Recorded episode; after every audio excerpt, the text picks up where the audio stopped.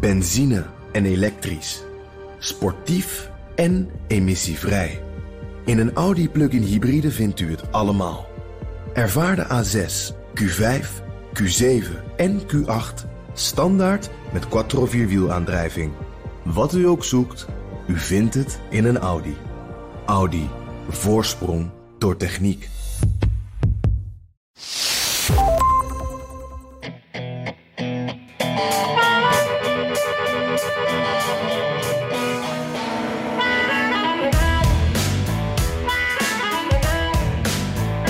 Zat tussen de 11.000 documenten die de FBI met een bevel tot huiszoeking uit Donald Trumps landgoed in Florida haalde, een super staatsgeheim spionagerapport over de kernwapens van een ander land, of spannende onthullingen over het seksleven van Emmanuel Macron.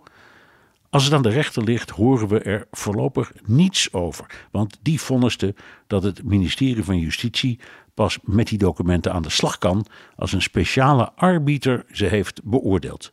Trumps eigen oud-minister van Justitie Bill Barr noemde dat een fout besluit. Het ministerie, zegt hij, moet absoluut in beroep. The opinion, I think, was wrong, and I think the government should appeal it. Uh, it- it's deeply flawed in a number of ways. I don't think the appointment of a special uh, master is going to hold up, but even if it does, I don't see it fundamentally changing the trajectory. I, in other words, I don't think it changes the ball game so much as maybe we'll have a rain uh, rain delay for a couple of innings. En zelfs als de arbitrage doorgaat, betekent het niet meer dan een onderbreking van het honkbalseizoen door een regenbui, zo ongeveer, zei Barr. Maar Trump en zijn volgelingen zien het als een gigantische overwinning. En zo slaagt de vorige president er opnieuw in de aandacht naar zich toe te trekken ten koste van Joe Biden. Dit is aflevering 144 van de Amerika Podcast. Mijn naam is Bernard Hammelburg vanuit Studio Hammelburg in New York met een beker koffie voor me. Jan is met vakantie en dus zit naast mij het inmiddels gebruikelijke nepotistische alternatief. Ja, en dat ben ik, David Hammelburg, natuurlijk ook met een lekker beker koffie. Ehm, jij trekt als producer en verslaggever door het hele land. Waar zat Kuifje in Amerika de afgelopen dagen? Eh, heel saai, gewoon hier in New York. Eh, wel bij de Verenigde Naties, waar de Veiligheidsraad eh, en het diplomatieke wereldje het maar over één ding hadden. En dat was het rapport van de IAEA, het atoomagentschap, over de kerncentrale in Zaporizhia. Eh, jij hebt er zelf ook heel veel over bericht. Het, is, het agentschap eh, heeft echt de alarmbel geluid en schreeuwt eh, op een gedemilitariseren, ge- gedemilitariserende... eh, dankjewel. Demilitariseerd noemen we dat. Lekker dat Nederlands. eh, zone rondom de centrale. Wat me opnieuw opviel is de totale onmacht van de Verenigde Naties. Ehm, zonder medewerking van Rusland kan eigenlijk niets. Dat blijkt nu ook weer. Eh, dat wisten we al. Eh, en wat me ook opvalt is dat Joe Sixpack in Amerika het totaal niet interesseert. En, en betekent, je zegt Joe Sixpack, de gemiddelde Amerikaan, die interesseert het niks. Ehm, betekent dat dat hij ook als het de inflatie aanwakkert en nog veel belangrijker de benzineprijs omhoog drijft, dat het hem nog steeds niks interesseert? Ja, maar daarin heeft Biden wel weer een beetje het jasje van een wereldleider aangetrokken. Door eh, met de G7 eh, en ook met Europa te werken aan een maximum prijzen voor olie en gas. En dat is slim, want tot nu toe eh, bestaat de Amerikaanse steun vooral uit geld en wapens en natuurlijk sancties. Eh, maar dat, dat prijzenplafond, dat is, dat is echt iets nieuws. Ja, binnen de Europese Unie ligt het ontzettend gevoelig, die, eh, die maximumprijs. Ehm, er is discussie over, speelt deze week ook in Brussel. Ehm, sommige landen voeren, voelen eigenlijk niets voor een maximumprijs. Want, eh, om alle mogelijke redenen, maar die zeggen het levert dan te weinig op voor de belastingen. Of eh, je kunt, het is een tijdelijke maatregel, je moet er een tijdje weer vanaf. Enfin, er zijn allerlei bezwaren. Sommige landen zeggen ook ja, maar eh, energie is belangrijker dan al die principes, dus je kan maar wat. Dus het, is nogal, het, het, het gaat niet vanzelf. Nee, dat, dat kan zijn, maar eh, de Amerikanen zien Europa altijd ja, als een groep ruziende pubers. Eh, en Biden laat zich daar echt niet door leiden. Dat merk je ook een beetje aan zijn taal in de laatste tijd. Goffer, strenger, meer rigoureus. Ehm, het, dus het valt op. Ja, dat, viel mij, dat valt mij ook op. Omdat, hoe noemt hij ook weer eh, Trump en, eh, en, het, en de Trumpisten? Hij heeft het voortdurend over MAGA Republicans. Ja. En hij noemt ze monsters. En hij gebruikt allerlei. Dat had ik nooit van hem verwacht. eerlijk Nee, nee, ik denk dat hij of zelf heeft besloten, hè, de maat is vol, of advies heeft gekregen, nu moet je echt wat doen, want kijk maar eens naar je, je, je, je, je peiling en je, je cijfers. En hij slaat nu met de vuist op tafel. Ja, maar Dat- heeft dat zin? Want ik, ik heb altijd geleerd dat wanneer je bijvoorbeeld in verkiezingstijd bovenaan wil komen drijven, dan moet je, moet je beginnen met, je, met, met ehm, iets dat appelleert aan, aan het gevoel van de kiezer. Dus iets wat je zelf brengt, wat iets positiefs. In plaats van alleen maar roepen dat de tegenpartij niet deugt. Wat hebben wij geleerd van het fenomeen Trump in de afgelopen zeven jaar? Hè? Eh, vuist op tafel, grof, grof actie nemen. Dat, dat John Wayne gedrag, dat, dat, dat, dat vinden mensen heerlijk. Eh, dat vonden ze ook met Reagan. Dat vonden ze dan weer minder met Obama. Dat vonden ze ook maar een beetje een, een, een slapjanus omdat hij zo gelikt overkwam. Eh, Biden zit zo helemaal niet in elkaar. Biden is iemand die altijd ehm, eh, naar de tegenstander is, is gelopen en het handje uit heeft toen uit de gestrekt. in zijn tijd in de Senaat. Ja, dus dat, vanzelfsprekend. dat is hij gewend. En hij komt dus helemaal nergens. Ehm, Dus ik, ik denk Maar dat ik, ik zit naar hem te kijken en dan denk ik, wie, is deze man? Ik heb nog nooit eerder van hem gehoord. Nee. Uit zijn mond dit soort taal. En op deze leeftijd. Ja, ik, ik let eh, vooral erop hoe het congres met de Oekraïne-crisis omgaat. En dan zie ik verschillende dingen. In de eerste plaats zie ik de groep rondom America First. eh, heel sterk vertegenwoordigd op Fox News bijvoorbeeld. Tucker Carlson en, en eh, John Hannity. Die eh, met de redenering komen. Je moet stoppen met dat geld gooien naar een verkeerd regime. Eh, We hebben hier in Amerika veel grotere problemen. Los die nou eerst maar eens op. En eh, speel niet de, de politieagent van de wereld. En dat, dat slaat aan. Ik denk dat er ook een groep is die het daarmee eens is. Een heel oud argument. Hè? Overal in de westerse wereld. Steun niet andere landen. Begin eens met je eigen land. Ehm, maar ik zie ook toch wel een behoorlijk aantal republikeinen en ook een stevige meerderheid van de democraten eh, die eigenlijk die koers van Biden in Oekraïne wel eh, steunen. En overigens, ja, dat weet jij, maar gisteren, eh, natuurlijk gisteren, jij weet het als geen ander, gisteren heb ik getankt, gisteravond. En ik had de, de, de duurste soort benzine die jij me altijd afraadt, doe nou één tandje lager. Maar ik ben zo gewend aan 95. En in, in Amerika is de hoogste is 93 en normaal is het 89 of 87. 87, 89, 91 Ja. en 93. Oké, maar ik dacht, weet Ja. je wat, laat ik nou eens in mijn auto de allerduurste gooien. En wat kostte dat? 1 euro per liter. Ja. Nou, dat, dat, dus waar zeuren ze over? Ja, maar dat is aanzienlijk meer eh, eh, dan voor de energiecrisis. Ehm, in Amerika kostte benzine altijd de helft. Eh, dus toen de prijs in Nederland rond de, rond de 1 eh, euro 40 lag, eh, betaalden we hier 70 cent. En dat was krankzinnig hoog. Eh, Toen al. Toen al. Ja. Hè, normaal gesproken is het een stuk lager. In, ik wil even zeggen, tijdens corona, begin corona, stonden we bijna op de 2 dollar per gallon. Ja, dus dat is, dat is 50, ongeveer 50 cent per liter. 50 cent per liter, ja, Ja. ongeveer.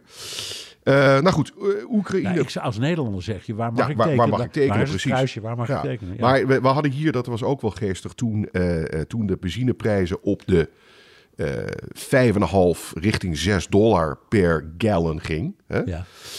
Ehm, stonden er overal stickers van Biden met daarop de tekst: Mijn schuld. Kan je het voorstellen? En wie hadden, die Ja. stick, wie hadden die stickers erop geplakt? Ja, eh, eh, Trump-aanhang-types of anti-Biden mensen. Maar, eh, Maar goed, dat denk ik ook. Want ik denk dan Oekraïne plus inflatie plus de energiecrisis. Ehm, en voor heel veel Amerikanen is er maar één schuldige. En dat is En dat, Joe is, Biden. en dat is Joe Biden, precies. Ja. Ik, ik wil nog even één ding zeggen over eh, eh, de VN in de, in de afgelopen paar dagen. Het is wel eh, vrij komisch wat daar gebeurt. De IAEA houdt een keurig neutrale toespraak met wat ze daar hebben gevonden. 52 pagina's lang. Bij die kerncentrale. Bij Oekraïne. kerncentrale. En dat was gewoon de, de facts. Just the facts, man. Ja. Rusland kwam vervolgens met, ja, maar eh, we zitten daar voor een reden. En eh, eh, de Oekraïners die hebben steeds dat, die kerncentrale beschoten. En, waarom wordt daar dan niks over gezegd, meneer IAEA? Waarop de, de westerse wereld zegt, ja, als we dit probleem, als Rusland niet binnen was gevallen, hadden we dit probleem nooit gehad. En zo gaat het maar heen en weer, alsof een stelletje schoolkinderen. Maar die gedemilitariseerde zone, komt die er nou, denk je? Ik denk dat hij er uiteindelijk komt. Ja. Ik denk dat er zoveel druk staat. Eh, weet je wat? Eh, misschien is het, is het, laten we dit maar even overslaan of laten we dit even negeren. Maar kunnen we alsjeblieft ik- even zorgen voor die kerncentrale? ik, ik heb steeds de indruk dat de Russen een heel ander plan hebben. Namelijk om die centrale af te schakelen van wat dan heet de grid in Oekraïne. En een nieuw kabeltje te leggen naar eh, de Krim. Ja, en dat de, denk ik en, ook. En de Krim daarvan de energie gaan voorzien. ja, of misschien Rusland zelf. Of misschien Rusland zelf zou ook kunnen. Nou, oké. Het is eh, allemaal spannend. Dit allemaal in en rond Oekraïne. Dat, het speelt hier, maar het gaat... Kunnen we dat samenvatten al dus? Voor een Amerikaan is eh, wat er in de wereld gebeurt voornamelijk... eh, gaat voornamelijk over de prijs van, van een eh, liter benzine. Ja, en eh, om even het samen te vatten. Wat is de VN ook alweer? Ja, Ja, precies. ja. Ja.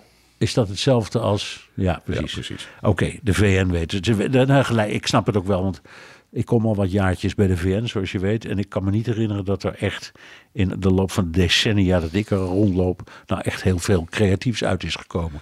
Veel gepraat en Laat- weinig gedaan. laten we het daarbij houden. Oké, nou dan moeten we het natuurlijk hebben over de documenten die in Mar-a-Lago in beslag zijn genomen. Het, eh, het, eh, het, het huisje van Donald Trump. Buitenhuisje, zullen we maar zeggen, in eh, Palm Beach. Klein huisje. Eh gaat om van alles, eh, zeggen ze. Eh, diep geheim, geheim, vertrouwelijk.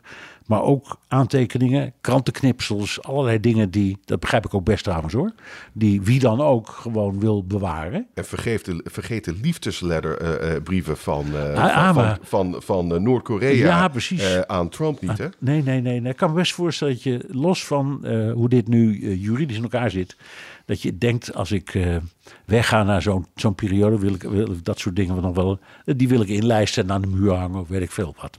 Maar goed, eh, het ministerie van Justitie, eh, die zegt, ja, er zijn 11.000 documenten op, op, eh, op, na een inval van de FBI in elkaar genomen. Ehm, en bij elkaar, uit, uit dat huis gehaald. En dat was sowieso al strafbaar, want hij mocht helemaal niets meenemen. Hè. De wet luidt dat de president al zijn documenten, alles wat er in het Witte Huis ligt, al is het een aantekening op een stukje papier, dat wordt allemaal keurig ingeleverd bij het Nationale Archief en opgeslagen. En degene die erover gaat is de nieuwe president, want dat is de executive power. En een ander die moet dat achterlaten. Ehm, maar het gaat dan over in dit geval niet zomaar willekeurige eh, papiertjes, maar ook staatsgeheimen. En de FBI zegt, ja, dat is een misdrijf als je staatsgeheimen achterhoudt, eh, want eh, ja, die zijn niet veilig. Eh, en bovendien, toen ze daarnaar vroegen, zei Trump: er is niks bijzonders eh, onder in die documenten. En de FBI zegt, en dus ook het ministerie van Justitie: ja, dat was niet waar. Er zitten wel degelijk hele spannende dingen bij. Dus het is misleiding. En dat is een strafbaar feit. Daar kun je de gevangenis voor ingaan. En Trump zegt: Nou, ik heb niks illegaals gedaan. En eh, hij zegt: Ik heb het recht dat in deze, deze kwestie wordt voor, voorgelegd aan wat ze in het Amerikaanse recht noemen een special master. Dat betekent zoiets als een juridisch arbiter die eh, door een federale rechter inderdaad is toegewezen. Zet nog eens even op een rijtje hoe we de, hoe de, wat er nou allemaal is gebeurd en, en hoe we dit moeten snappen. Eh, even een paar dingen. Trump zegt zelf dat hij het recht had als president om alles te declassificeren. Dus hij zegt met een soort toverwand, ja, die 11.000 documenten, die heb ik gewoon Die zijn niet meer, die zijn niet meer geheim. Zijn niet meer geheim, die heb ik gewoon meegenomen. Ja, dat is één. Ehm, nummer twee. eh, dit is ook een beetje het fenomeen Trump. Het is van mij, niet van het volk. Ja, dus dat, dat, dat, dat zit helemaal in hem. Ja. Eh, Maar zo, hetzelfde als wat Nixon deed met de bandjes van Watergate. Ja. Die zei, die zijn van mij. Ja. En toen is dat een rechtszaak geworden. Ze hebben naar het Hoge Rechtshof gegaan. En die zei nee, Nee. alles wat in het Witte Huis ligt en daar is gebruikt, of bandjes, papieren, zijn eigendom van het volk, Ja. niet van de president. Nee, dat, dat klopt. En da- daar doet me dit ook heel veel aan denken. Eh, nou goed, er komen een paar andere dingen bij. Eh, normaal gesproken, als je eh diepgeheime documenten hebt, die, die zitten dan in een, achter, laten we zeggen, een wand in een centrale waar je alleen maar met een vingerafdruk binnen kan lopen. En deze documenten lagen in Mar-a-Lago, waar eh, Jan en Alleman gewoon binnen kan lopen. En er zat één klein slotje op dat deur. Eh, dus het, de, mensen zeggen met de nucleaire geheimen eh, en alles wat daar dus zou bij behoren, dat de, de, de ober zomaar binnen kan lopen. Dus dat is ontzettend gevaarlijk. En, en ehm, ja, dat is dus de, een van de kritieken. Maar Trump zegt, ja, nou, sorry, eh, het is van mij. Even terugkomend eh, over iets waar ik wel eh, wat moeite mee heb. Ehm, de rechter die een arbiter toewees is door Trump voorgedragen. En nu zeggen de media en de commentatoren, hij is door Trump aangesteld. En dat, dat vind ik onzin. Ehm, dus hij is door het Se- Senaat aangesteld. En zo zit het in, het in Amerikaanse Ja, systeem. president eenmaal. draagt alleen voor. Ja, eh, presidenten dragen eh, hoge ambtenaren zoals ministers en ambassadeurs en ja, ook federale rechters voor. En de Senaat benoemt. en Biden zal eh, gedurende zijn termijn, termijn ongetwijfeld ook een hoop democratische rechters voordragen. Zo gaat het nou helemaal.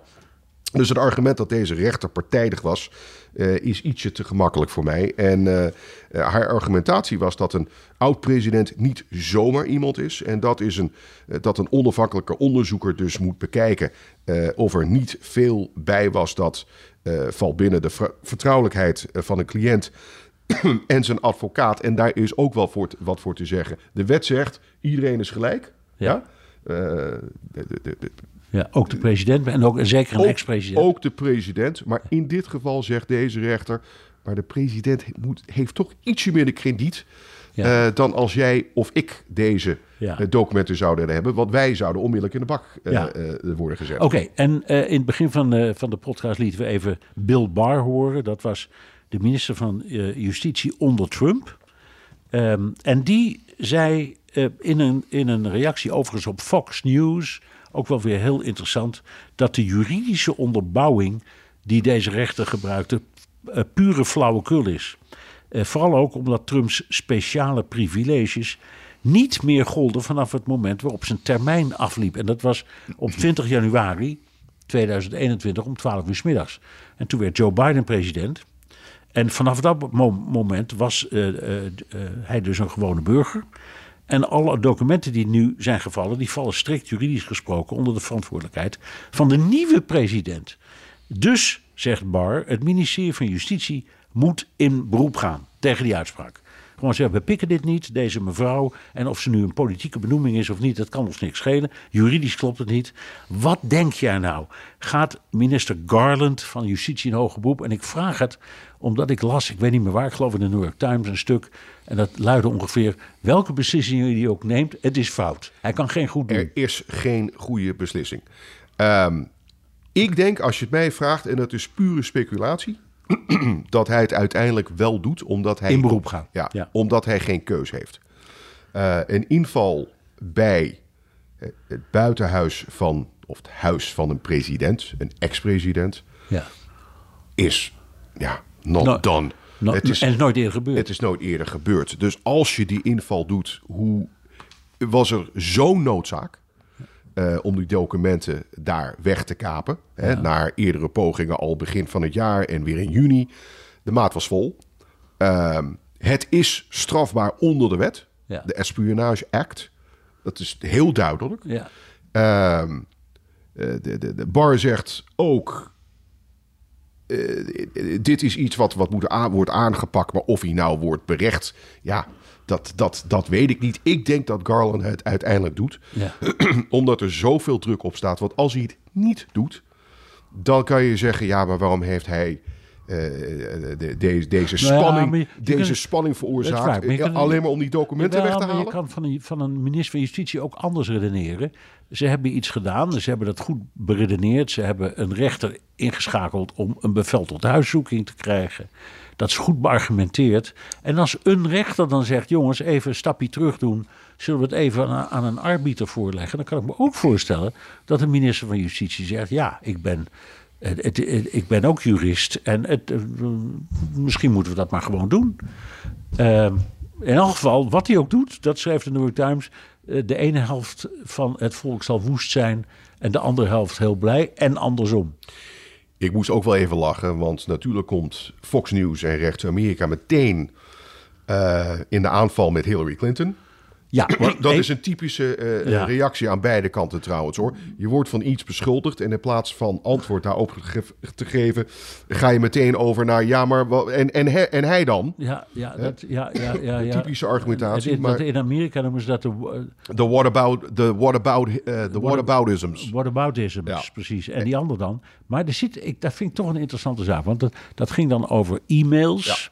Die zij In een niet. privé- die ze ja, thuis die ze, had, ja, ja. die ze dus niet, zoals toen minister van Buitenlandse Zaken, die ze niet via de officiële server heeft verstuurd, maar via de privé-server. En die hadden onder andere te maken met de, de noodsituatie in Libië, die uiteindelijk het leven heeft gekost van de Amerikaanse ambassadeur, die een persoonlijke vriend van haar was. Dus een enorm drama geworden. En vier jaar lang onderzoek hè, En vier lang, vier lang onderzoek naar eh, wat er was gebeurd. En de vraag was, heeft ze de wet overtreden? Ook de spionagewet. En uiteindelijk, na heel veel gesoebat... eh, zei eh, het Openbaar Ministerie... nee, er is geen strafbaar feit gepleegd. Toen heeft de directeur van de FBI... vlak voor de verkiezingen, Comey... nog gezegd, ja, nee, we hebben nog eens nagedacht... het is misschien wel een strafbaar feit gepleegd. En ik geloof, eh, hoeveel was het? Een paar dagen voor de verkiezingen Elf gezegd. dagen, dat heeft haar uiteindelijk de kop gekost. Ja, elf dagen voor de verkiezing gezegd... nou nee, ik heb, we hebben nog eens bekeken. Nee, er is geen strafbaar Dus, feit dus de mensen die dachten, eh, zal ik nou wel of zal ik nou niet op haar stemmen, dat was de druppel, hè? Oké, maar als je dat allemaal hoort... en, en ehm, iemand die in diezelfde situatie zit... Trump zit in dezelfde situatie als Hillary Clinton toen... dan zegt, jongens, mag er even een objectieve...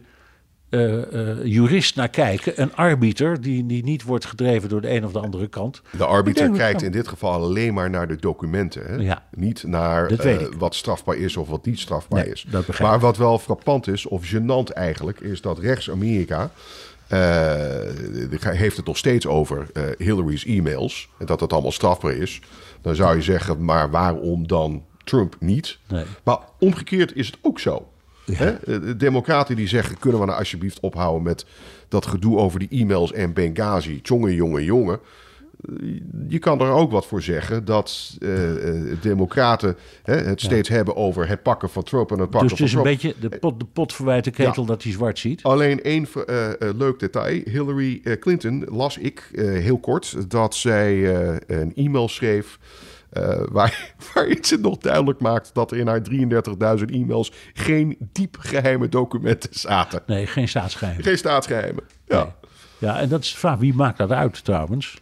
Want als het eh, in het geval van Benghazi een, ehm, laten we zeggen, een waarneming was geweest van een van de diensten, de CIA of gewoon een, een ambtenaar, eh, een, een, een, een diplomaat die daar voor haar werkte. En die zei: Ik zie de situatie zo en zo en zo. Dan kun je zeggen: Ja, dat is ook een staatsgeheim. Dat mag niet zomaar worden vrijgegeven. Dus ik denk nog altijd dat ze een echte fout heeft gemaakt daar. Eh, en eh, dat ik me de discussie over was dat nou strafbaar best kan voorstellen. Eh, maar als ik, als ik nu een republikein was, zou ik ook zeggen: kom op, zeg, zij is uiteindelijk vrijgesproken. Je kan ook zeggen, waarom zijn ze allebei niet gewoon fout en schuldig en moeten de bak Ja, in? ook waar. Ja. Ja. Ehm, eh, trouwens, ja, het, het is toch fenomenaal hoe Trump elke keer eh, eh, de landelijke politiek totaal blijft beheersen. Hè? Ja, ook bij het campagnevoeren voor kandidaten van zijn keuze. Dat zijn dus mensen die Trumpisten zijn. Ja. en het criterium voor Trumpist voor hem is. Je doet bij mij mee. Nou, maar vooral de verkiezingen zijn gestolen. Als je dat maar een paar keer hebt gezegd in Dan- je dan campagne. ben je al een Trumpist. Dan ben je een Trumpist en dan gaat hij je steunen. Ja. En als hij je gaat steunen, maak je een kans om genomineerd te worden.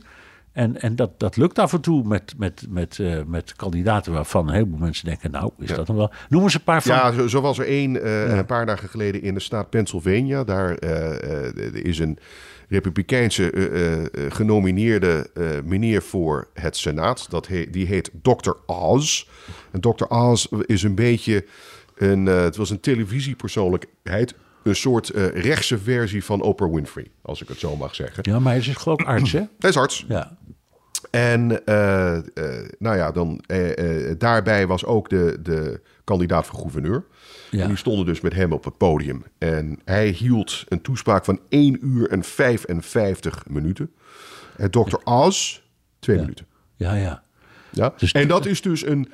een, een, Trump, Trump, een- heeft- Trump heeft denk ik eh, eh, eh, toespraken teruggekeken van Fidel Castro. dat denk ik ook, ja. Want die hield ook wel die toespraken van twee uur. Ja. Maar hij komt daar dus om Dr. Oz Te steunen? Te, steunen. Ja. En die man mag dan twee minuten praten. En En that's it. that's it. De rest, de, de rest gaat naar, naar Dr. Trump. Ja, ongelooflijk. En, en hoe, hoe, uiteindelijk, hoe werkt dat nou? Want hoe staat hij ervoor, die Dr. Oz? Ik bedoel in de peilingen of in de kans dat... Als je naar. Het is wel een verpand verhaal, want als je naar zijn tegenstander kijkt, de democratische genomineerde, eh, John Fetterman.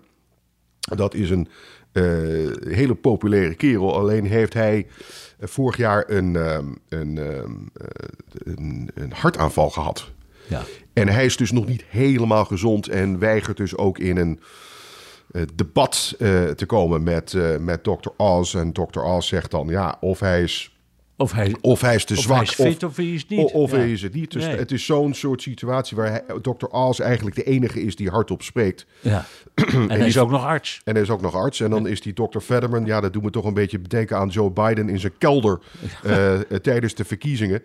Ehm Fetterman staat wel voor. En Pennsylvania is een van de staten eh, waar de Democraten een hele goede kans hebben Ja. eh, in eh, de midterms. Ja. Nou, het is inderdaad, dat moet ik wel zeggen, daar zijn we het over eens, briljant hoe Trump het nieuws blijft beheersen. Het is- ik heb nog nooit zoiets gezien, al die jaren dat we over Amerika praten en dat ik in het land heb doorgebracht. Ehm, en het valt me ook op dat Joe Biden echt in de schaduw blijft staan van Trump. Eh, hoewel die heel hard campagne voert voor democratische kandidaten. En dan denk ik, ja, binnen negen weken zijn er al verkiezingen. Hè? Dat is eh, in, in begin november voor eh, het Huis van Afgevaardigden en de Senaat. Het is heel goed dat de president campagne voert. Ik heb steeds de indruk dat wat Trump doet veel effectiever is. In elk geval veel meer reuring veroorzaakt. Het is inderdaad nog nooit eerder voorgekomen. Meestal als je een oud of ex-president bent, eh, dan heb je het wel een beetje gehad. Dan hou je je koest. Dan hou je koest. Ja. En dat is ook een beetje eh, de politiek. Hè? Ja. De president praat niet graag over zijn voorgangers of een ex-president Ja.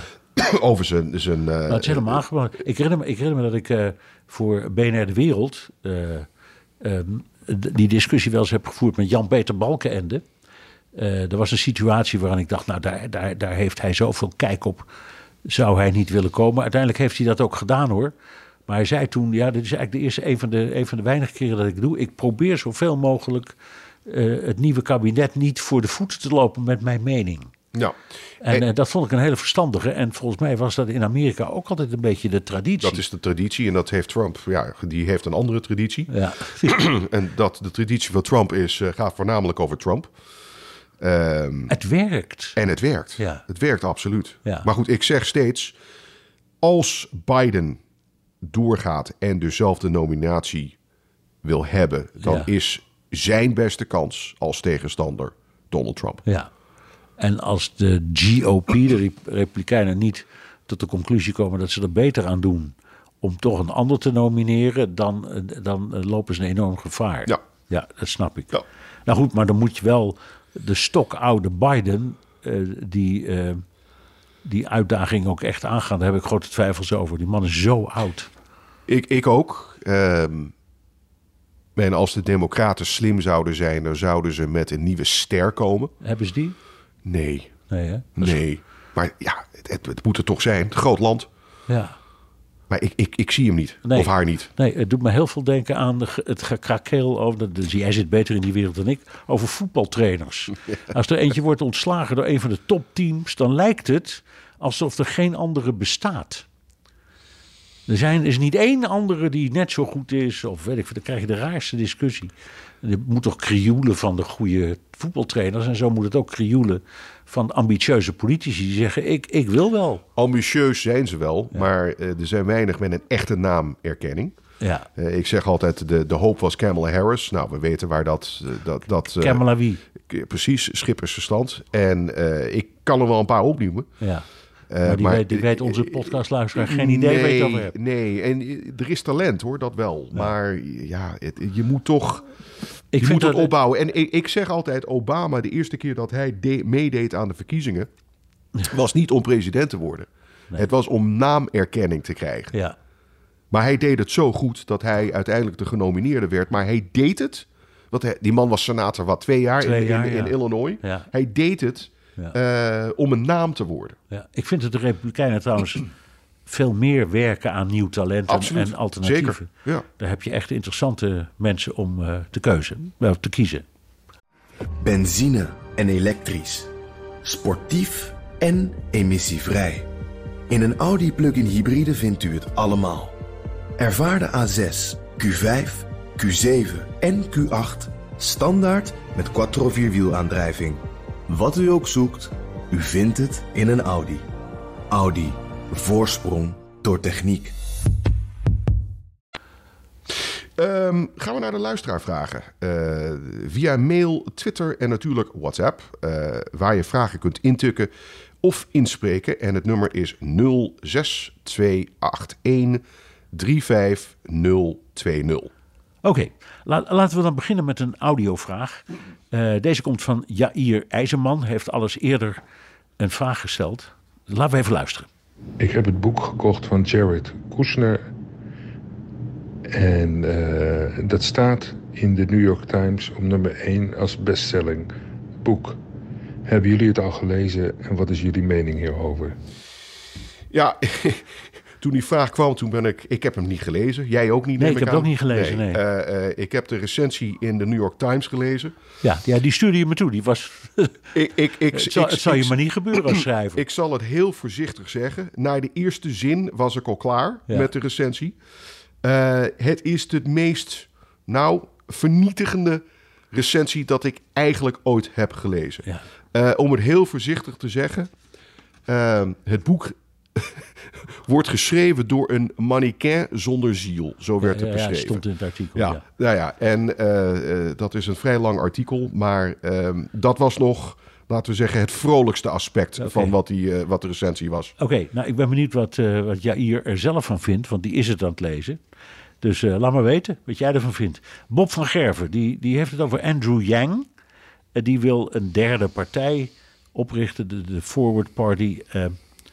En de vraag die eh, Bob geldt, als hij nou maar ergens één zetel kan pakken, is die dan eh, relevant? Ehm, nee.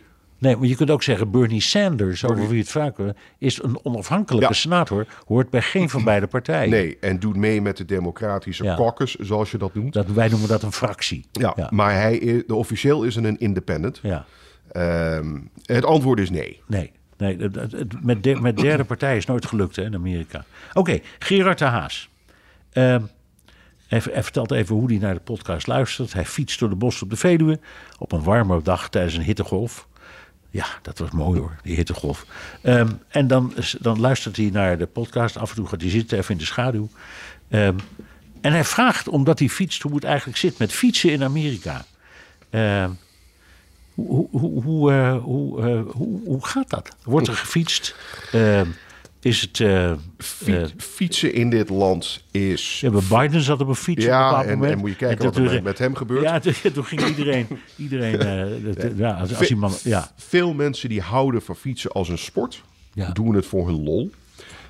In de stad New York heb je heel veel fietsers die dus, net zoals een Nederlander of een Deen, graag naar werk gaat op een fiets. Voor allerlei redenen. Dat kan je best verzinnen. Maar het is levensgevaarlijk. Ja, nog steeds. Ja. Ondanks dat je overal nu fietspaden ziet. Ja, En, je ziet fietspaden. ja. Die zijn er. Maar jij- jij de jij- automobilist, jij- ik fiets, maar, de, fietst au- vaak, ja. maar de automobilist weet van zijn santé helemaal niets. Vooral als je uit een van de buurstaten komt. Ja. Levensgevaarlijk. Om de haverklap worden mensen omvergereden. Ehm, eh, niet met opzet hoor, alhoewel dat ook gebeurt, maar echt omdat mensen het niet zien, de, Nee. de verkeersregels niet begrijpen. Nee, Eh, als ik fiets, dan fiets ik af en toe met een fluitje in mijn mond. Ja, echt? Echt. Ja. Om je kenbaar te maken. Ja, Ja. ja, ja. ja. Nederland- dus het is- Nederlanders hebben een, een spiegeltje in hun achterhoofd. Hè? Het Die, is- die het hebben is- een, de- een zesde Ja, zintuig. Het is geen aanrader, alhoewel er wel een, eh, een, eh, Nederlandse, een Nederlands bedrijf is dat eh fietstours geeft door New York. Dat heet Orange Bikes. Ja. Ehm, en dat is echt op zijn Hollands. Dus als iemand ooit naar New York komt, zou ik dat zeer aanraden. Leuk, ja. Eh Alte Schotel, die eh, luistert meestal onderweg in de auto, schrijft hij. En die eh, zat in een hotel naar Fox News te kijken. Hij keek naar Sean Hannity. en misschien ook wel naar anderen zoals Tucker Carlson. Dat zijn van die hele uitgesproken mensen. Eh, en hij zegt, wat een gifspuiterij. Ik, ik kon het maar vijf minuten aanhoren en toen moest ik echt afhaken. En de vraag die die stelt is: kunnen ze zo'n lokaal nou niet, eh, zo'n kanaal nou niet sluiten? Want het is gewoon pure propaganda, net als Russia Today. Ja. En dat is wel verboden in Nederland. Best een goede vraag. Ja, weet je wat, wat eh, Fox News verdient? Ik weet wat eh, Tucker Carlson verdient rond de 3 of 34 miljoen per jaar. Dat weet ik. en hij doet het vanuit zijn kelder in de staat Maine. Ja, Ehm, je moet het niet zien als nieuws. Het is een ja en, zij, opiniezender. en, en Hannity zegt ook altijd: Ik ben geen journalist. Nee, hij is een opiniemaker. Ja, ja. En, en Amerikanen houden van opiniemakers, links zowel als rechts. Ja. En Fox is daar gewoon heer en meester in. Nee, en het mooie vind ik toch van dit land. We hebben van alles erop en we praten over Trump en Biden en over de democratie of de autocratie of hoe je het maar wil noemen. Maar het idee dat je een medium zou verbieden, dat is zo ver On- ondenkbaar. ondenkbaar en gelukkig maar. Nou, Lambert Hettema, eh, luisteraar vanaf eh, het allereerste uur, geeft, een, geeft vijf sterren. Eh, en die zegt, mocht Trump ooit schuldig verklaard worden of veroordeeld voor spionage of strafbare feiten, welke implicaties heeft dit voor eerdere beslissingen die hij al had genomen? Dus benoemingen van rechters en dat soort dingen. Vind ik een ontzettend goede vraag. Het is een goede vraag, maar het heeft niets met het verhaal te maken. Als je er goed over nadenkt, als hij inderdaad strafbaar is, Ja. dan is het iets dat nu is, huidig. Ja. eh, Oké, maar eh, laten we, eh, laten we eh, even simpel nemen. Laten we het simpel. Hij heeft dus drie omstreden leden van het Ho- Hooggerechtshof genomineerd. Ja, benieuwd. Eh, En die zijn is- benoemd door het Senaat, einde verhaal. Precies, precies, dus dat zou betekenen dat de Senaat zou moeten terugkomen op een, op een, eh, op een beslissing. En dat kan staatkundig volgens mij niet zo 1, 2, 3. Dat kan Ja. als een van die drie eh, een, eh, een, een, een, eh, de wet heeft overtreden, feit een strafbaar feit heeft Ja. gepleegd. Het gaat Nee. dat ze eenmaal zijn benoemd en dat ze, eh, dat ze nu zitten, dat that's it. Ik bedoel, zo werkt dat hier. Ja. Maar ehm, eh, ik, ik zeg altijd Al Capone, hè, de, de, de, de beroemde gangster uit Chicago uit eh, de jaren twintig, die is uiteindelijk gepakt voor belastingfraude. Ja, en sterker nog, die, ze hebben expres om hem te kunnen pakken een, de, de belastingwet aangepast. Dus er waren allerlei belastingwetten en op een bepaald moment hebben ze hem dus inderdaad eh, gepakt op belastingontduiking. Als Trump met al zijn rechtszaken en wat er in New York gebeurt met Letitia James en het liegen over. Nou, ik kan het zo gek niet verzinnen. Als het strafbaar blijkt dat hij eh diepgeheime documenten in zijn bezit had en dat een straf wordt, dan gaat het alleen maar daarover. Ja. En de bedoeling van de, van de Democraten is helemaal niet dat Trump achter de tralies verdwijnt, hoewel ze dat misschien best leuk zouden vinden, maar gewoon dat hij zich niet meer kandidaat kan stellen. En volgens mij maken ze dan een denkfout, want geen kandidaat betekent nog steeds propagandist. Hij kan, als, eh, zelfs als hij dat verliest, nog steeds met heel veel succes kandidaten steunen voor het Huis en de Senaat. De Dus- kingmaker kan hij altijd blijven. kan Hij kan het alleen zelf niet meer doen. Nee. Eh, George Rijtsma, ehm, die, eh, ook een enthousiast luisteraar. eh, en die komt even terug op vergelijkingen die we hebben gemaakt met Nederlandse en Amerikaanse salarissen. Dat ging naar aanleiding van die, eh, 10.000 euro- dollar die, eh, die mensen kunnen krijgen om hun studenten, eh, om hun schuld voor het studeren af te betalen. En toen zeiden we, nou, dat geldt dan, daar worden criteria gebruikt van mensen die onder de anderhalve ton verdienen, komen in aanmerking. Jeutje zeg, wat moet dat een rijk land zijn? En hij zegt, nou, als je het allemaal bij elkaar optelt en je kijkt wat je zelf nog moet betalen aan verzekering, aan pensioen, ziekteverzekering. ehm, en hij heeft het dus in, in Californië zelf meegemaakt. Hij zei, toen ik, toen ik eh, daarheen ging, toen ging mijn salaris 25% omhoog. Maar netto, als het allemaal bij elkaar optelt, kwam ik zelfs lager uit. Dus het idee, die vergelijking met Nederland, daar moet je mee uitkijken. En hij komt ook met een vraag. En die luidt: waarom is de Amerikaanse verkeerspolitie, de Highway Patrol, zo ouderwets? Geen trajectcontroles, eh, vrijwel geen flitskastjes. Eh, alleen dat is dus waar. Hè? Alleen in Silicon Valley. eh, alleen maar een agent met een laser. Ehm, en dan zie je ook van die levensgevaarlijke opgehoogde pick-up trucks rondrijden. Waarvan de bestuurder de auto voor hem, voor hem nooit kan zien. Snappen jullie daar iets van? Laat de wet dat nou allemaal toe. Groetjes vanuit een kurkdroog Californië. En hoezo kurkdroog? Het was vandaag eh, 47 graden. Ja. In, Maar even voor duidelijkheid, we nemen dit op op woensdagavond voor de trouwe luisteraar. Normaal doen we het op donderdagavond, eh, omdat dat Jan en, en mij beter uitkomt. Maar in dit geval hebben we besloten om, om alle mogelijke redenen dat het woensdagavond handiger was. Dus dat je het maar weet. Even eh, op de salarissen. Ehm, de salarissen zijn aanzienlijk hoger hier. Eh, de, de prijzen van huizen zijn ook veel hoger hier. Alles is hoger hier, maar ik heb het even opgezocht. Ehm, kwaliteit van leven in Nederland is aanzienlijk beter dan dat Ja, in Amerika. Je verdient meer, je kan er meer mee. lange vakantie. Ik, nu kom ik even op wat jij zegt. Ja. Ik heb het opgezocht. Weet je wat de gemiddelde Nederlander aan uren werkt per jaar? Vertel, dat weet ik niet. 1381. En dat is iemand met een volle baan. Weet Ja. je wat de gemiddelde Amerikaan werkt? Nou, 1790 uur. ja, Ja? ja. Met andere woorden, ik verdien wel meer, maar ik heb er eigenlijk geen plezier van. Geen tijd om... om Geen tijd om, om, om het. Ik, ik, heb nergens tijd voor. Ik ben alleen maar aan, Nee, aan het werk. En dat, dat, dat, En dat, gezegd, ik dat zie heeft dat een ook- beetje met de houding te maken hè, tussen, en, en het verschil. Ik zie het ook eh, rondom ons, waar wij eh, en jij eh, je leven doorbrengen. En we zitten in een flatgebouw. En ik zie daar altijd alleen maar mensen in en uit hollen. Als ik in de ondergrondse stap, dan zie ik ze alleen maar racen. Om de gekste tijden, s morgens vroeg en s'avonds laat. Want ze zijn altijd te laat en altijd nog aan het werk. Ja. Ja, zijn ze overigens productiever dan Nee. nee. Daar geloof ik niks van. Nee. Nee. Nee. Minder efficiënt, minder productief. Tenminste in de uren dat ze werken. Ja, nou, eh, dank. Jelle IJsselstein die komt met een vraag. Reactie, daar hadden het. eh, Jan en ik hadden het over. Eh weer, het was ook een vraag van een luisteraar. Of het een idee was dat Trump en DeSantis, de, de gouverneur van eh, Florida, samen op een ticket zouden eh, eh, komen. Dus, dus voor president en vicepresident. En we zeiden toen, dat zou onhandig zijn, want het zijn eigenlijk kopieën, de een of de ander. Maar de vraag is of het mag. Tuurlijk mag het. En het mag nou, maar de, dus als je, als je, er zijn heel veel artikelen waarin staat dat het niet mag. Ehm, Waarom zou het niet mogen? nou, omdat heel veel mensen die, die citeren artikel 2 van de grondwet. En die zegt, de- die suggereert dat het niet mag, maar dat gaat niet over de, de kandidaat en de vicepresidentskandidaat.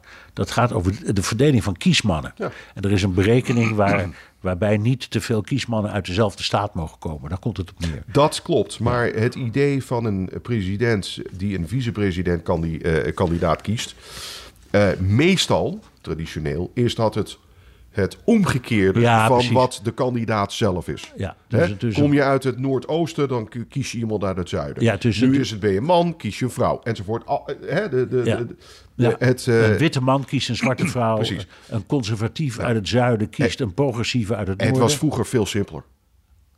Want waar de, de, de, de kandidaat met de meeste stemmen was president en de kandidaat met de op één na eh, meeste stemmen was vicepresident. Oh ja, voordat- Zo, zo was, zo simpel was ja, het. maar dat was het inderdaad. Dus de, de, de, de, de president ging tot in 1850, 60 Ja, of zo. Toen is de wet veranderd. eh, was het inderdaad zo dat de winnaar werd president en de verliezer werd Ja, vicepresident. ja, zo simpel dat, was het. Dat gedoe met die, met die partij had je helemaal niet. hey, eh, we gaan even naar een audiovraag van Tjeerd de Boer uit Zwolle. Ik zat net te luisteren naar Joe is boos. En als jullie dat eh Airspace Museum in Washington dus heel erg mooi vinden, dan is het zeker voor de luisteraars leuk om een keer naar de Intrepid te gaan in New York. Die ligt daar in de Hudsonkant. En daar staan al die vliegtuigen en ook een space shuttle die je ook in eh, Washington DC ziet. En dan leer je ook nog wat over de Tweede Wereldoorlog. Dus ehm, ja, misschien een leuke tip voor de luisteraars die in New York zijn. Om dat dan niet over te slaan, maar daar eens eh, in te duiken. Ja, wat een ontzettend leuke vraag over de Intrepid. Eh, eh, je praat Tjeerd tegen, twee freaks op dit gebied. Want we zijn enorme liefhebbers van dat museum in Washington. En ook van de Intrepid. Dus je hebt helemaal gelijk. Dat is fantastisch. Het is een, het is een vliegtuigschip dat in de Tweede Wereldoorlog heeft gediend. En in de oorlog in Vietnam. En daarna eh, op de schoothoop ging. En toen heeft een groep vrijwilligers het daarvan gered. Eh, en het eh, opgeknapt en naar New York gesleept. En daar is toen een Air and Space Museum van gemaakt. En het, het, het, iedereen die wat ouder is en de maanvluchten heeft gevolgd, die kent het ook. Want dat was het schip waaruit de, de astronauten die landden in zee van het Apollo-programma werden opgehaald. Dat was ook de Intrepid. Nog even eentje, die ken ik niet, ben ik zelf nooit geweest. Maar naast Dulles Airport in Virginia, dus net buiten Washington, eh, is een gigantisch groot eh, museum. En daarin staan de Space Shuttle, de Concorde en de Enola Gay.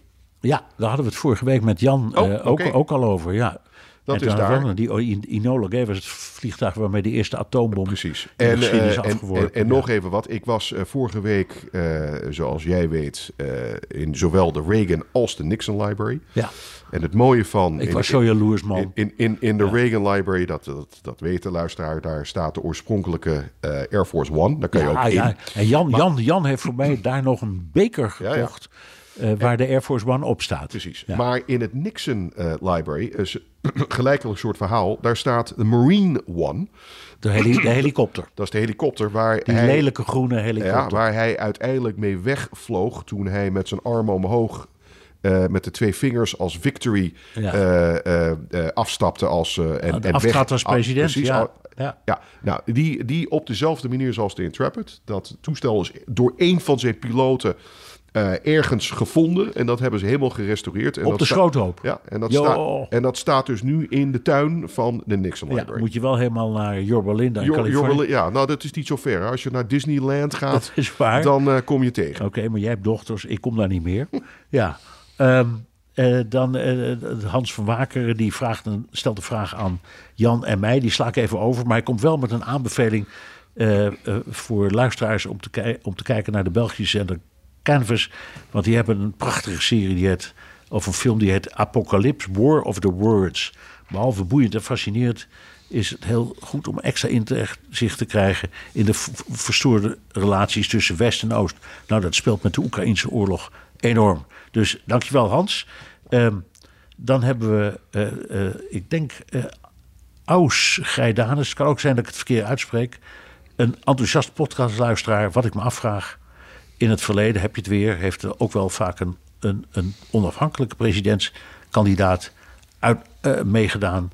Ehm, en waarom hebben eh, kandidaten als Liz Cheney aan de Republikeinse kant en Bernie Sanders aan de Democratische kant zich niet afgesplitst om een nieuwe weg in te slaan met hun grote achterban, zodat ze niet gehinderd worden door de meer behoudende stemmen binnen hun partij? Het is en blijft een goede vraag. En Ja. het antwoord is even simpel. Het kan niet.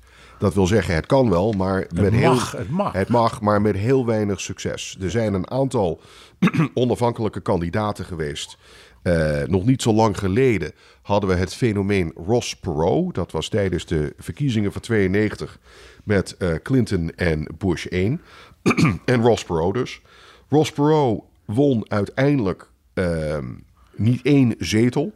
Heeft de meeste stemmen gekregen ooit als onafhankelijke eh, kandidaat, namelijk 19 procent.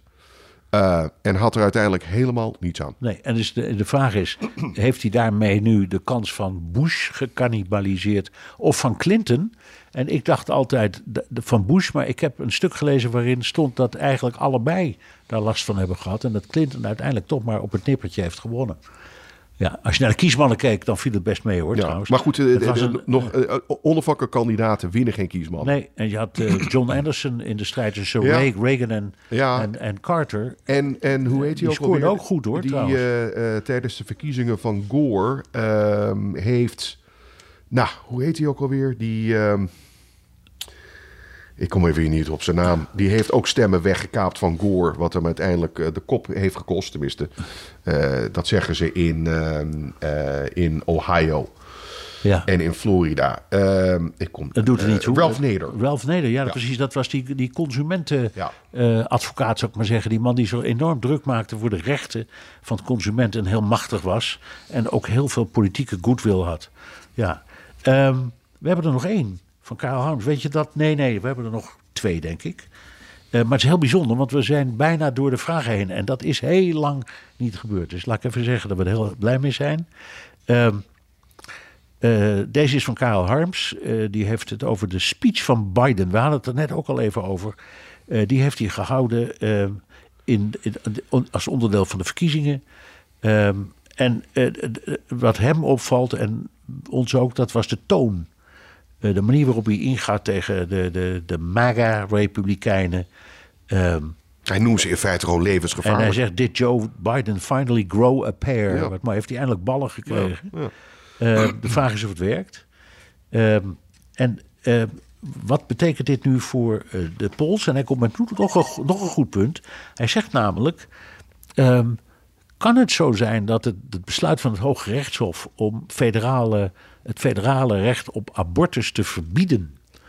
dat dat eigenlijk ten, eh, een, goed, een goed punt is voor de democraten... omdat de kiezers lijken naar de democraten toe te stromen. En mijn indruk eh, is dat het klopt. Ik denk dat je gelijk hebt. En dat merkte ik in de staat Kansas. Eh, een paar weken geleden, vorige maand was dat. Hè, er was die, die, de, kwestie, de, de, de kwestie over eh, abortus wel of niet in de staat Kansas. Hè, Dat was overweldigend voor, eh, tegen alle verwachtingen in, hè, als referendum.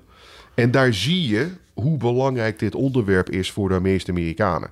Eh, en nog altijd met een meerderheidssteun van nou, eh, 2, tweede, hè? 63 procent. Ja, bijna, ja. Ehm, ik denk dat je veel meer democraten naar stemloket sleept dit de najaar vraag- de vraag- dan maar als de- die abortuswet is gewoon of was, dan- zoals De vraag is of er ook overlopers komen. Want dat is altijd het belangrijkste. Ik denk dat er wel een paar... Of het genoeg is, dat weet ik niet. Maar ik, niet. dit, dit is het crux Ja, de crux van het hele van de eh, strijd. van, de strijd. Ja, en dan komt er een brief van Jan Bakker. En dat benadruk ik, want dat is een zeer goede vriend van de podcast. Eh, en eh, die komt ook weer even terug op die leningen aan studenten. Eh, want hij zegt: een, eh, een belangrijk punt is dat een student een vast bedrag krijgt. Dus hoe belangrijker het college of de universiteit, eh, hoe meer collegegeld een student moet betalen. En hoe relatief minder hij dus ook krijgt. Want dat is nou een vast bedrag dat je krijgt. Maar als je naar Harvard gaat, betaal je heel, een heel ander bedrag dan naar een lokaal college. Eh, en hij zegt, als we uitgaan van drie jaar college, krijgt een student die naar Lehman College in de Bronx in New York gaat, bijna 100% vergoed. Want het collegegeld is maar 3500 dollar per jaar. Maar iemand die naar Harvard gaat, die moet 65.000 dollar per jaar dokken. Dus dat is maar 5%. Ja. Dus het, het, eh, het zit net even iets ingewikkelder dan, eh, dan wij het hebben verteld. Heeft Ja. hij gelijk in? Daar heeft hij gelijk in. Maar het, het is niet zo dat hoe beter de school, hoe duurder eh, en hoe hoger de prijzen.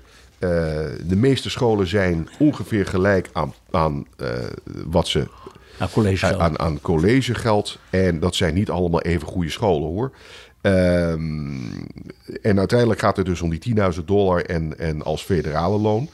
En als je nu kijkt in de staat New York bijvoorbeeld, als je nu naar Columbia University wil, kost dat 60.000 dollar per jaar. En als je naar een staatsschool gaat, bijvoorbeeld een SUNY Binghamton. Eh, dat is een hele goede school. Dat noemen ze de arme versie van Harvard. Eh, die kost eh, 26.000. Ehm, hè, gewoon als staatsschool. Ja. Eh, dus die prijzen die zijn ridicuul per jaar. En die lopen alleen maar omhoog. Ja. En, Eh, en dus die maar, hey, maar 10.000 Jan heeft dollar, dat, dat is een, dat is een ja, Jan een gelijk. Ja, dus, maar Jan heeft gelijk. Hoe duurder de school, hoe minder die 10.000 dollar betekent. Dat klopt. Ja. Ehm, nog een paar. Zijn we doorheen. Joris Tielkes, eh, die heeft het ook weer over Fox News. Ehm, en die zegt, Populair in Nederland op ja, Fox nee, News. maar, nee, maar het, het fascineert de mensen enorm. Eh, omdat hij zegt, ja, het heeft, heeft iets van entertainment.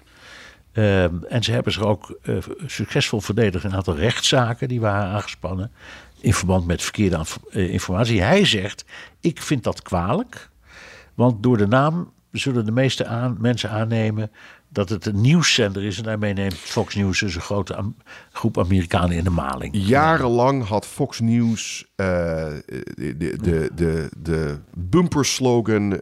We deliver the news, you decide. Ja, ja, ja. Ja. Wij leveren het nieuws, jullie eh, bepalen eh, wat, wat je daarmee wil. Ja. Dat hebben ze nu weggelaten, wat het, i- het is waar. Het is geen nieuws.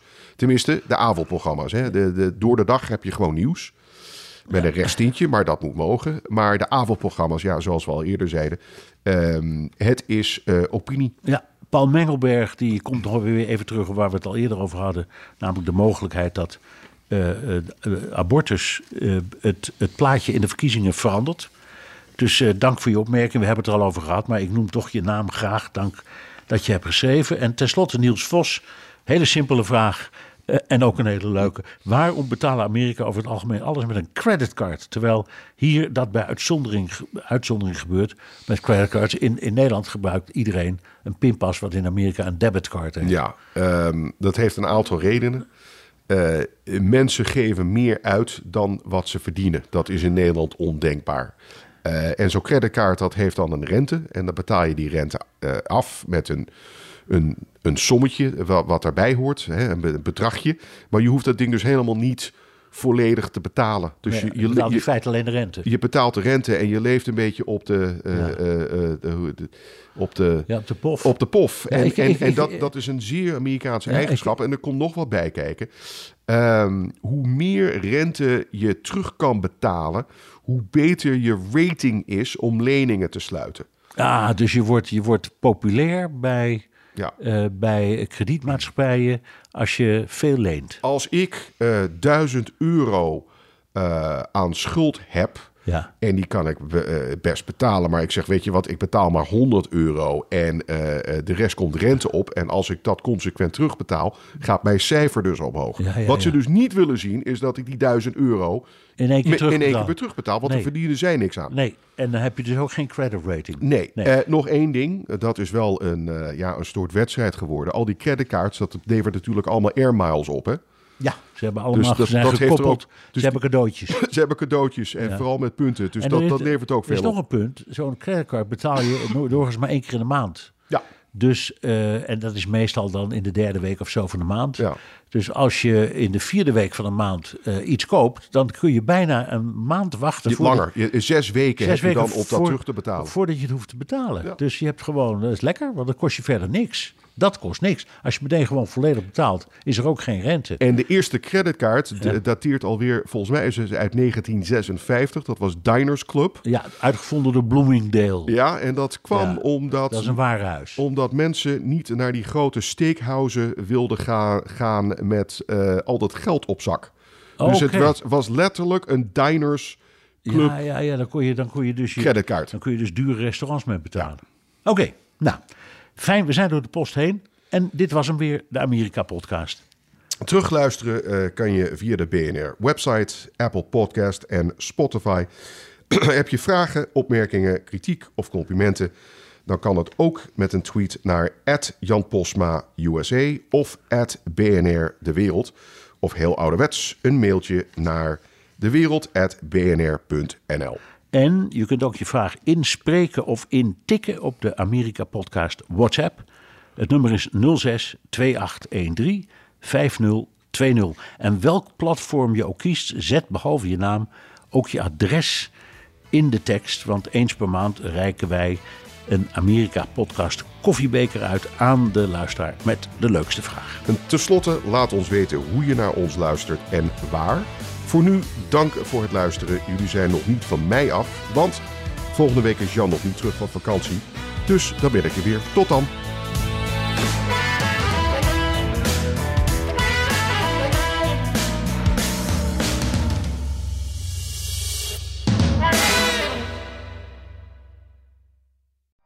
Benzine en elektrisch. Sportief en emissievrij. In een Audi plug-in hybride vindt u het allemaal. Ervaar de A6, Q5, Q7 en Q8 standaard met quattro vierwielaandrijving. Wat u ook zoekt, u vindt het in een Audi. Audi. Voorsprong door techniek.